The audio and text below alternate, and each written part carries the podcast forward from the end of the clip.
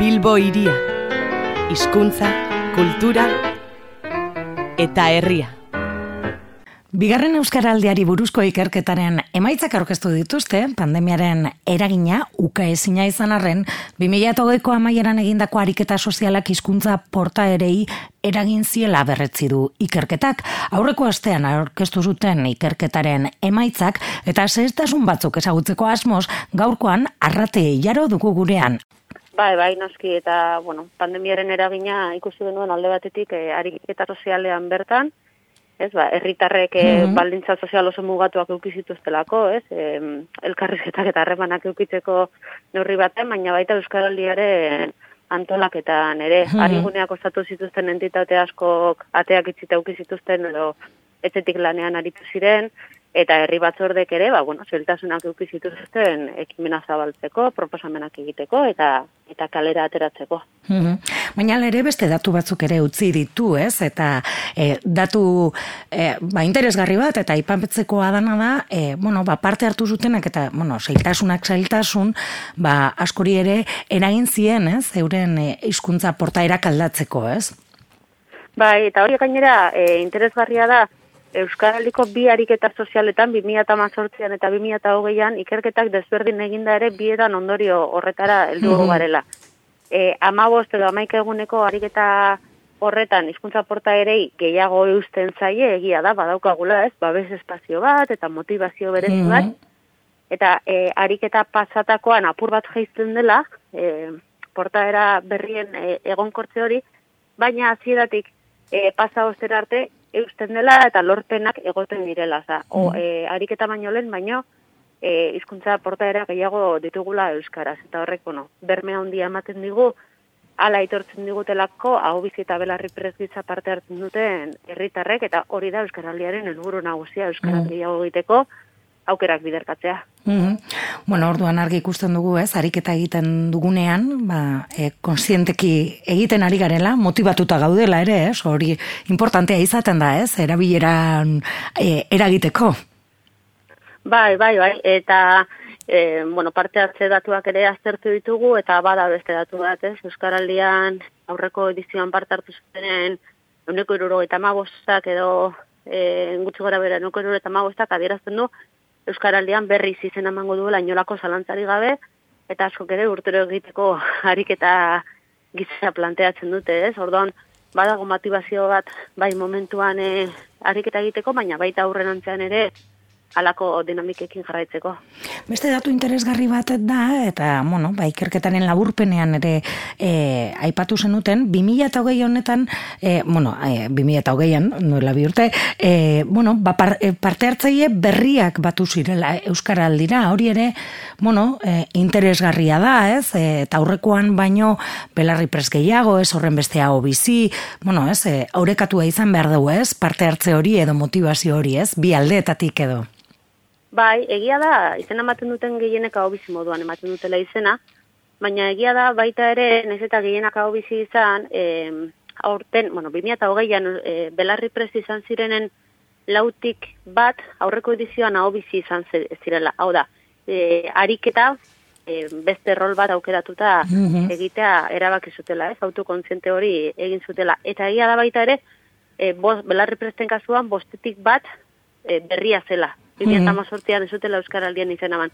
Orduan ikusten dugu, datu totaletan jaitziera bat egonda ere Euskaraldiak irabazi dituela parte hartzaile berriak eta apurka apurka edatzen ari dela e, gizartean. Mm -hmm. 2008an, e, bueno, barrikuntza zan, ari guneak, ez, e, bueno, entitate edo enpresa, elkarte, ak parte hartzeko, ez? Eta hizkuntza ohituretan eh ba eragiteko, ez? Arigune hoietan. Eh zaintasuna handiagoak, ez? E, agertu dira ikerketan hor ariguneetan, ez? Bai, bai, eta zailtasun nabarmenetako bat pandemiak balintzatu izan zen. Egia da, alde batetik lehengo aldia zela arigunen proposamena egiten genuena, ordan proposamen berria zen, eta oraindik ere e, ez dagona ba, uneko partartzaien uneko berrogeita lauak uste dut ikusi zuela ariguneren bat inguruan, ez? Oraindik ez mm. dira ezagunak.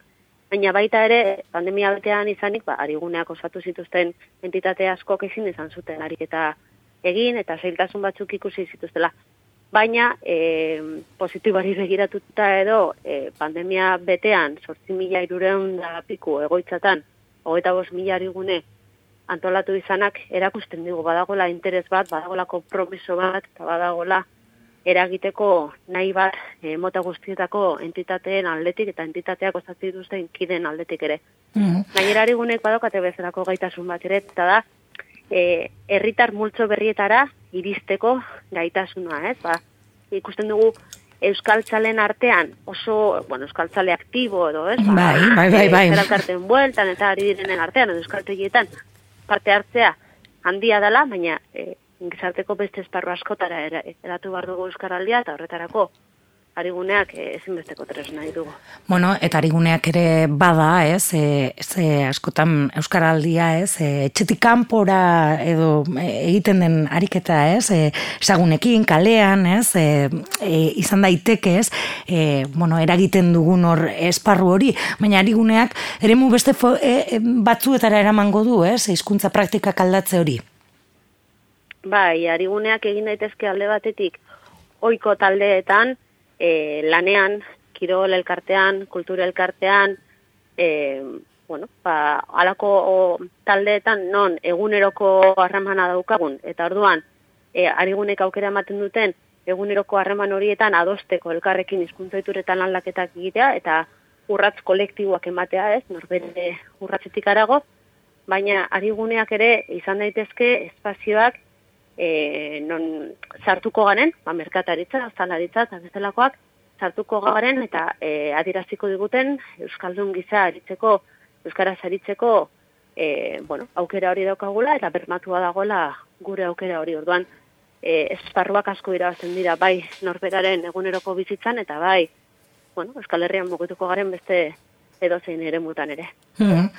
Bueno, baita ere ikertketa sakona da, ez? Hainbat datu e, nabarmendu zenituzten, ez? Hirietan eta herrietan, e, gune euskaldunagoetan, e, bueno, e, izan duen eragina, ez? Euskaraldiak 2020an.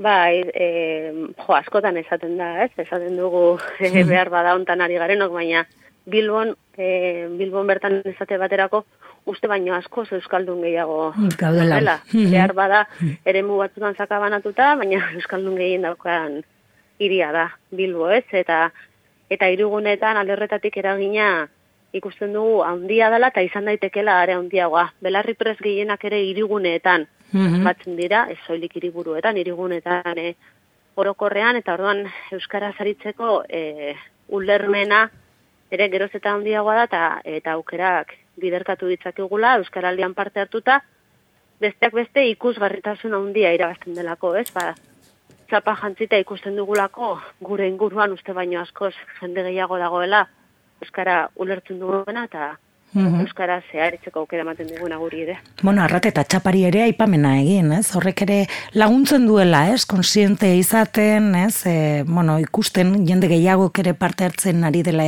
ariketa horretan, ez? Bai, eta ikerketak oso batu interesgarriak ematen mm ditu, ez? Zentzu horretan, ze, pentsa genezak etxapa dela ekimenenari ikusgarritasuna emateko mm zerbait, eta bada, Euskaraldiari ematen dio ikusgarritasuna, eta badakigu Euskaraldia dagoela, eta parte hartzen ari garela, baina txapek e, ikerketak dioenez, laguntzen dute zuzen zuzenean, hizkuntza e, praktika berriak edatzen eta indartzen. Mm Hau da, txapa jantzita daukagunean, e, jendeak ziurtasun gehiago, babel gehiago sentitzen du, e, presente dauka, baita ere ariketa ikusten duelako, eta horrek eragin zuzena dauka, hizkuntza portare Oi, mostu egin zaigu arrateren e, deia, zaiatuko gara berriro ere e, berarekin bat egiten. E, bueno, Euskara aldiak 2000 eta hogeian utzitako e, datuak e, aztertzen ari ginen berarekin, e, aipatu duen bezala, ba, ikerketa horrek ere nabarmen utzi duelako, edo, bueno, aipamen berezia egin dio, ba hori ez, e, e, ba, paparrean edo eramaten den e, txapa horri ez, e, txapen garrantzia nabarmendu du eta e, txostenak, ez? E, ba, ba, ariketa importate, importantean parte hartzen ari zarela, ikusgarritasuna ematen diolako, eta ere elkarrezagutzeko, ez? E, identifikatzeko e, ikusi dugu Euskaldunon komunitatean, ba, garrantzitsua e, dela, ez? Ez bakarriko purutan eta kompromisuan e, ere, ez? Ba, hori da, ziadekok ere e, hartutako e, beste e, ikerketan e, hartutako besteetako e, datu bat. Gogoratuko dugu aurten ere Euskaraldia izango izango dela. E, 2008ko datuen inguruan mintzatzen ari ginen Euskaraldiko arduradunarekin, arrate hidalgorekin, baina hirugarren edizioa ere 2008an izango da. Azaroaren amazortzitik abenduan denen bira e, egingo da, e, EPA ba, aurreko edizioetan bezala izango da, ez? Hirugarren aldia izango da, beraz dagoeneko, e, bueno, ba ezagun azaigun ariketan parte hartzeko esango digute esgurrasko, noiz eman izango den e, izena, ez? Printzipioz, orain goz, e, ba, 2000 eta hogeiko datuen e, ba, e, ikerketa egindako datuak e, zabaldu dituzte. Bueno, berriro ere berreskuratu dugu konexioa, arraterekin. E, arrate, kontatzen ari ginen, e, batxapak ere baduela bere garrantzia, ez? Ematen du tontakeri batela, baina ikusgarrintasuna ematen dio oroar e, Euskaraldiari, baina praktikatzen ari, ariketa egiten ari den horri ere, ba, bueno, identifikatu dezak errezago, ez? E, eta, bueno, animatu motivazioan e, eragin, ez? Ba, hori da, ez dakit, barkatu deia eten da, ez momentutan eten den, baina hori izan nahi nuen, ez? Ez dela Euskaraldiari ikusgarritasuna emateko bakarrik ikerketak eh, erakusten duela oso nabarmen txapa jantzi da daukagunean, izkuntza, Euskarazko hizkuntza praktikei, errazago eusten diegula zapak ez, gogorarazten digula ariketa, ematen digula babes bat, ziurtasun bate ematen digula norberari edo aurrean dagoen pertsona horri, eta txapa horrek e, zuzeneko eragina daukala Euskarazko hizkuntza portaeretan. Tarratik iruditzen zaigu ezinbesteko tresna daukagula, eta ariketa berrian ere e, txapa jantzten jarraituko dugula. Hmm. Bueno, argi ikusten duguna da, bi edizio izan dira, ez, e, potentzialidade handia duen ariketa dela, ez, e, bueno, hasieran ustu dut, e, bueno, e, ulertzeko kosta egin zitzaigun, bigarren urte ere pandemiak eragina izan du, baina aurten berriro ere izango da Euskaraldian parte hartzeko aukerarik, ez? Eta suposatzen dut, badenborarekin, e, ba parte hartzaile gehiago batuko dira, ulertuko dugu e, gehiago, ez? En, e, zelan egin behar den, ez? Eta zertarako e, e, den, ez? Eta, bueno, ba, honek epeluzera ere izango du eragina, ez? Bai, hori, espero dugu, eta ikerketak ere horrela baloratzea ditugu, ez? E, aldiro, aldiro bakoitzak adierazten du, ari ere manduen, baina e, bat ere aztertu behar dugu, izkuntzaitura aldatzea epeluzeko zerbait da, bat mm ere gizartean eragin aukiko badu, eta hori denboran e, ikusiko dugu. Edo nola ere gainera marko aldaketa bat proposatzen zuen Euskaraldiak, ez? Ezagutzatik e, jokabidera, eta hortan ere eragiten jarraitu nahi dugu, eta gure hortengo helburuetako bat da alde batetik kalea berreskuratzea, euskal zale moduan berriz ateratzea, ba, pandemiak zeltasun batzu jarri dizkigulako, baina bestetik e, parte hartzen duten herritar horiek eta e, ariguneak osatze dituzten entitate horiek ere, euren lorpenak ikustea, e, urratz berriak lortzea eta hoien kontziente izatea eta motivazio horrekin darra ematea herritar bakoitzari egunerokoan ere ariketadatik kanpo ere jarraitzeko urratzak ematen. Bueno, elugarren edizioa, 2008 honetan izango da, asaroren amazortzitik abenduaren bira, ez? Hori da, ama egunez, egoki e, baloratu delako ikerketetan, eta egin ditugun balorazio zaioetan, ba, tentzioari mantentzeko mm sozial moduan, eta horretarako prestatzen ari gara, larun batetan e, herriz herriko batzordeekin elkartuko gara, berriz donostian aspaldiko parte zaurre zaurre gainera, urteko plangintza guztia partekatuko dugu, eta lanera.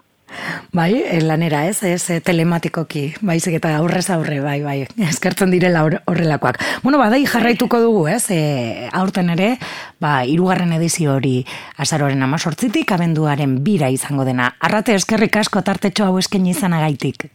Bai, eskerrik asko zuei. Agur. Agur.